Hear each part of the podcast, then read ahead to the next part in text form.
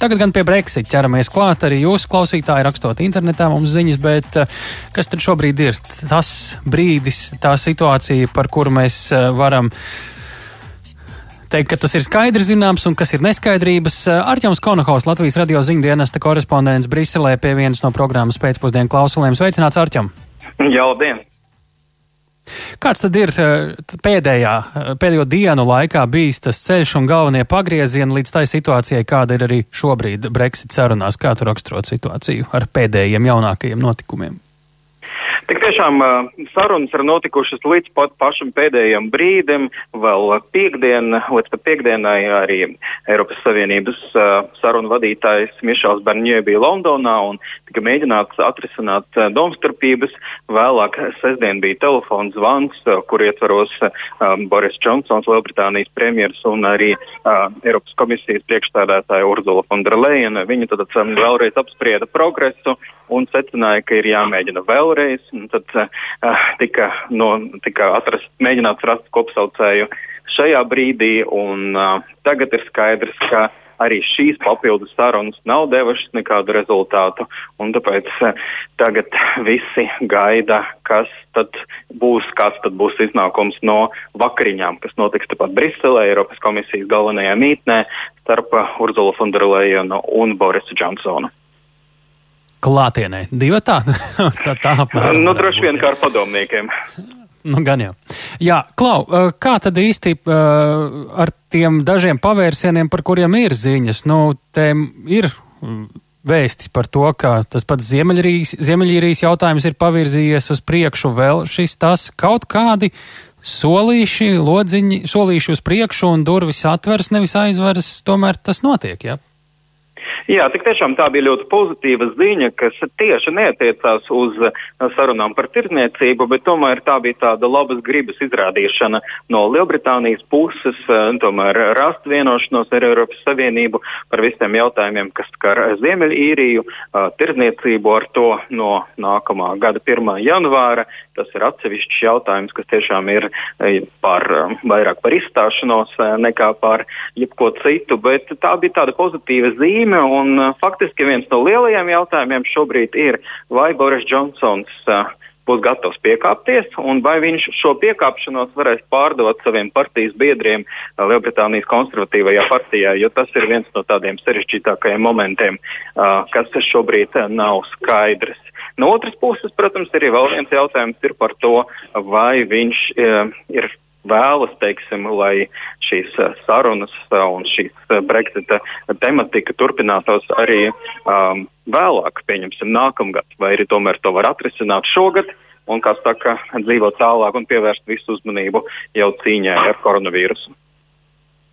Kas tad ir tie galvenie stāsti? Ja Ziemeļīrija, kā tu sacīji, ir blakus stāsti, nu, šobrīd joprojām es lasu plašas domstarpības par zvejas tiesībām, konkurences noteikumiem, arī par to, kā tā vienošanās, es saprotu, tiks uzraudzīta tā izpilde. Kas ir tie šobrīd vakariņu, šī vakara vakariņu galvenie temati, bez kuriem nevarēs iznākt ārā un teikt, ka esam pavirzījušies uz priekšu? Šie pieminētie jautājumi jau arī ir tie sarežģītākie jautājumi. Turklāt runā, ka zivsaimniecība, zvejniecība nemaz nav tik sarežģīts jautājums. Jā, tur atšķirās pieeja, atšķirās skaitļi, bet tur var atrast kaut kādu vidusceļu.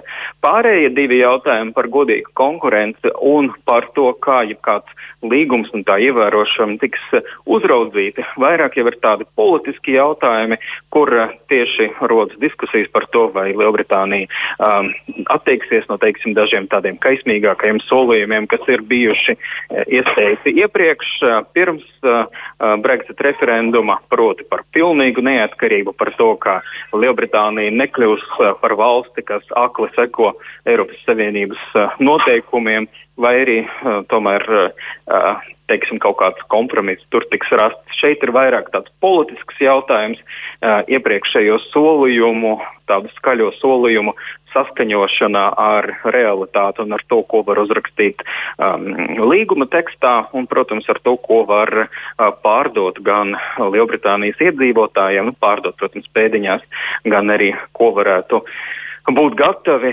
ar, ar ko varētu būt gatavi samierināties kaismīgākie Brexit aizstāvi. Jo Džonsonam, protams, ir jādomā ne tikai par līgumu, bet arī par savām pozīcijām kā premjerministram, vai viņš spēs noturēties šajā krēslā. Nu jā, jo viņš jau vienoties var par jebko ar Eiropas Savienību. Ja Lielbritānijas parlaments to pēc tam, es saprotu, neapstiprina, tad uh, šodien var iznākt ar paceltām uh, uzvaras rokām ārā, bet uh, tas vēl neko nenozīmētu. Ja? Tieši tā, jo pēc tam būs nepieciešams balsojums gan Eiropas parlamentā, gan Lielbritānijas parlamentā, un tam ir jānotiek strauji, jo līdz gada beigām laika ir palicis pavisam maz. Tamdēļ tiešām viņam ir nepieciešams nepieciešama tāda vienošanās, ar ko viņš var politiski samierināties un ko būtu gatavs pieņemt vairākums no viņa partijas biedru. Atcerēsimies, ka Džonsons bija viens no cilvēkiem, kurš ļoti aktīvi aizstāvēja uh, Lielbritānijas izstāšanos, un viņa solījums bija, ka viņš tiešām tiks galā ar mm -hmm. Brexitu, viņš to pabeigs, un tad nu, tiešām ies uz priekšu, un ka noslēgt vienošanos būs pavisam vienkārši. Tas arī tika solīts pirms referenduma. Nu, izrādās, ka nemaz tik vienkārši tas nav. Pavisam īsi vēl. Kādas ir prognozes? Vai vispār kāds prognozē kaut ko ar, ar kaut kādiem taustāmiem pamatojumiem? Šobrīd uh, to nav iespējams pateikt. Es domāju, ka tādas drošas prognozes izteikt nav iespējams. Uh, jautājums būs tiešām, kā atrisināsies šī saruna starp uh, abiem politiķiem šovakar pie vakariņu galda, vai Džonsons būs gatavs piekāpties, vai arī tomēr viņš politiski izkalkulēs, ka viņam varbūt šobrīd ir izdevīgāk atkāpties no kaut kā no, no sarunām un tātad tirzniecības līguma nebūs. Tas viss būs atkarīgs no tā, kā pavērsīsies šī vakara saruna. Jā, nu, tur viņam iespējams kā atkāpties jāizdomā no kā, no sarunām, no amata vai vēl kā cita. Jā. Eh, Lielas paldies, Artjom, par eh, tavu informāciju no uh, Eiropas uh, informācijas apcirkņiem. Politologs, uh, vēstures doktors uh, Ojārs Skodra pie programmas pēcpusdienu klausos. Labdien, Skodras kungs! Labdien! Nu, Kā šobrīd ir vērtējama tā situācija, cik lielas sprukas ir pat laban un, un bezizēja, un vai ir iespējami arī kādi logi, pa kuriem var iekāpt tajā vienošanās istabā un paspiest rokas un arī 31. decembrī teikt, ka esam paguvuši? Uh, nu, šobrīd iespējas ir tāds, ka acīm redzot, uh, rīt parīt uh, uz šo jautājumu mēs saņemsim uh, pilnīgi skaidru atbildi. Mm, un tā Fonderlejens un Džonsons šī vakara tikšanās, kā man šķiet, acīm redzot, ir saistīta ar kaut kādām, ar kaut kādiem, teiksim tā, mm, nu, nevar teikt tikai solījuma apmaiņa, bet, bet acīm redzot, teiksim tā, galīgās uh, pozīcijas uh, precizēšana un pēdējā iespēja.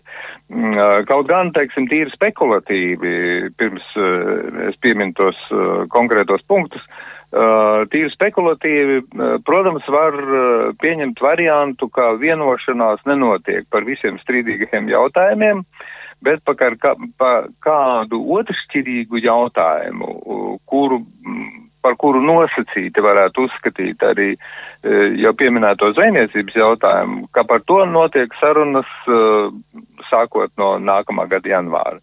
Mm, e, tā tad, kas, kas, teiksim, ļautu iespējams par kaut ko vienoties, jo, jo Džonsons pats ir izteicies pirms šīs sarunas intervijā, ja nemaldos vakar, ka nu, runa varētu būt kā par uh, Austrālijas tipu attiecībām ar Eiropas Savienību, tā arī par Kanādas tipu attiecībām ar Eiropas Savienību, kas, protams, radikāli atšķirās savā starpā. Mm, uh, tā tad, var sakot, bez zvejniecības, ja pareizi sakot par zvejniecību, es gribētu īsi konkretizēt. Tātad Britiem runa ir par 650 miljoniem eiro gadā. Uh, kas ir 0,13% no Eiropas Savienības, eh, no, no Lielbritānijas ekonomikas koprodukta. Mm, par ko strīds? Strīds ir par mazajiem kuģiem, kas zvejo uh, reģionā 6 līdz 12 jūras jūdzes no krasta, uh, par ko ir galvenais strīds no franču puses. un uh, lielie kuģi, kas zvejo no 12 līdz 200 jūras jūdzēm no krasta. Tātad tās, tās, tās vienošanās varētu dalīt, ja? tās sarunas varētu par kaut ko panākt un par kaut ko turpināt. Es pieņemu. Respektīvi, ka nav uh, vienošanās, kas ir panākta nē, nē, nē, un fināls līdz 31. decembrim, bet kas sadalīt tā, jā, viņu. Tā, tā, tā, tā, teiksim tā, tā, tā politiski apspēlējamā un populistiskā tēma ir mazie kuģi un uh, uh, Britu piekrastes zvejnieki. Tāpat kā tas ir arī franču piekrastes zvejniekiem. Jo tie britu piekrastes zvejnieki aptuveni 40% no nozvejotā tajā pašā dienā, kad nozvejo, eh, piegādā viņu Eiropas Savienības tirgū. Eh, un ja tās zivs ir jāuzglabā, viņas var mest ārā. Viņas nav derīgas, viņas nekur nevar realizēt. Tāpēc tas ir tas degošais punkts. Tie lielie zvejas kuģi varētu pagaidīt. tad ātri varat nosaukt. Tātad runa ir par valsts subsīdijām rūpniecības nozarēm dažām. Runa ir par ekoloģiju, runa ir par darba tiesībām, par nodarbināto tiesībām, jo strādā abās pusēs, kā zināms. Pilsoņi. Uh, un jautājums, jā, jā, Britu pilsoņi Eiropas Savienības valstīs un otrādi. Un tad ir strīdu regulēšana. Eiropas Savienība saka, Eiropas tiesa, Džonsons saka, nekādā gadījumā tikai Britu starpniecības iestāde, kam Eiropas Savienība mm. nepiekrīt. Mm. Nu, skaidrs, ka par šiem punktiem šovakar vienošanās nav iespējama. Tātad, acīm redzot, Barņē un uh, Britu pārstāvis uh, ir par kaut ko vienojušies, uh, un tagad tātad Fonderlejenei ar Džonsonu ir jāvienojas par to, kas rīt un parīt tiks prezentēts Eiropas padomē, kur, kā mēs zinām, Francija piedraudēja ar veto. Nu, kur arī tā, tā... mēs eh, pagājušajā nedēļā runājām, ka nu, tas veto varētu būt arī vairāk eh, žests nekā realitāte. Bet, nu, jā, tā tāds nē, nē, nē, nē, nē. Es, es uzskatu, ka mm, eh, tagad, ņemot vērā šo detalizēto informāciju par tiem mazajiem zvejas kuģiem, piekrastes zvejniekiem un lielajiem zvejas kuģiem, es, es teiktu, ka nē.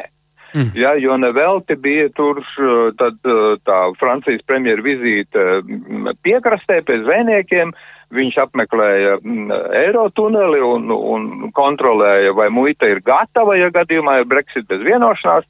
Tā kā tur tā lieta ir eh, starp Franciju un Lielbritāniju ļoti nopietna. Lūk tā, eh, programmā pēcpusdienā Ojārs Skudra ar dažiem piemēriem par to, eh, kādā veidā tās sarunas, cik sarežģīti tas viss patiesībā notiek. Lielas paldies politologam vēstures doktoram Ojāram Skudram programmā pēcpusdienā.